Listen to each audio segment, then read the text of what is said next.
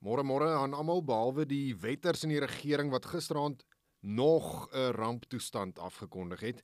Ja, dis nou 'n ramptoestand kwadraat. Die tweede ramptoestand is afgekondig oor die oorstromings wat veroorsaak is in in sewe provinsies. Dit is nou natuurlik na al die reën wat ons die afgelope week gesien het. Mense kan seker maar sê dit is dalk 'n ramptoestand wat meer geregverdig is as die een oor die kragkrisis. Die kragkrisis is natuurlik maar 'n selfgeskepte ramp. Ek het 'n sterk vermoede dat hierdie tweede ramptoestand afgekondig is met 'n bietjie van voorbedagte rade deur die regering want ek dink die regering weet hulle gaan pak slaag kry in die hof oor die kragkrisis ramptoestand.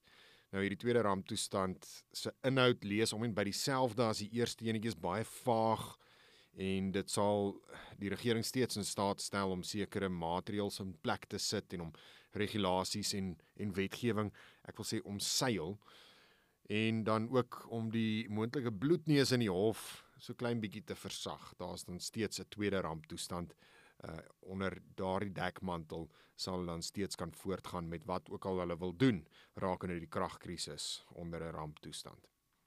Nog groot nuus is natuurlik die burgemeester van die Tshwane Metro Randall Williams wat sy bedanking aangekondig het.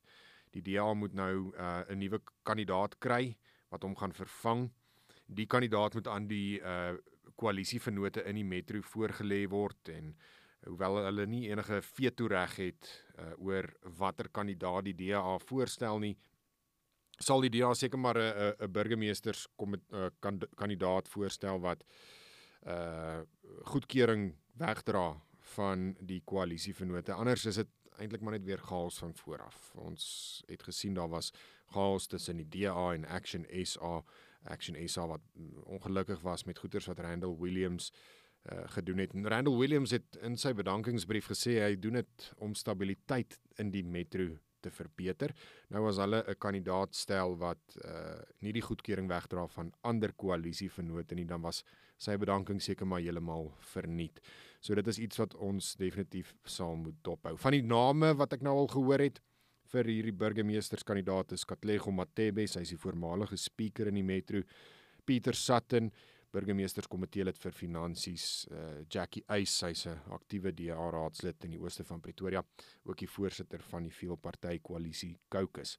En dan ook uh, Silje Brink parlementslid en die DA se nasionale woordvoerder hy's ook 'n voormalige burgemeesterskomitee lid in die metro. Nou daai kort lys sal erns hierdie week sal dit bekend gemaak word. So ons behoort dan te weet wie is al die kandidate wat moontlik kan oorneem by Randall Williams Nog iets wat vandag gebeur is natuurlik uh, die sirkus in die Kaapstad stadsaal wat voortgaan. Parlementslede sal begin met hulle debat oor president Cyril Ramaphosa se staatsrede. Verwag maar uh, weer 'n klomp beledigings en skerpsinnige opmerkings oor die aankondigings wat die president verlede week gemaak het, maar jy moet egter nie verwag dat dit die situasie waarin die land homself bevind enigsins gaan verbeter nie. Groete by die huis.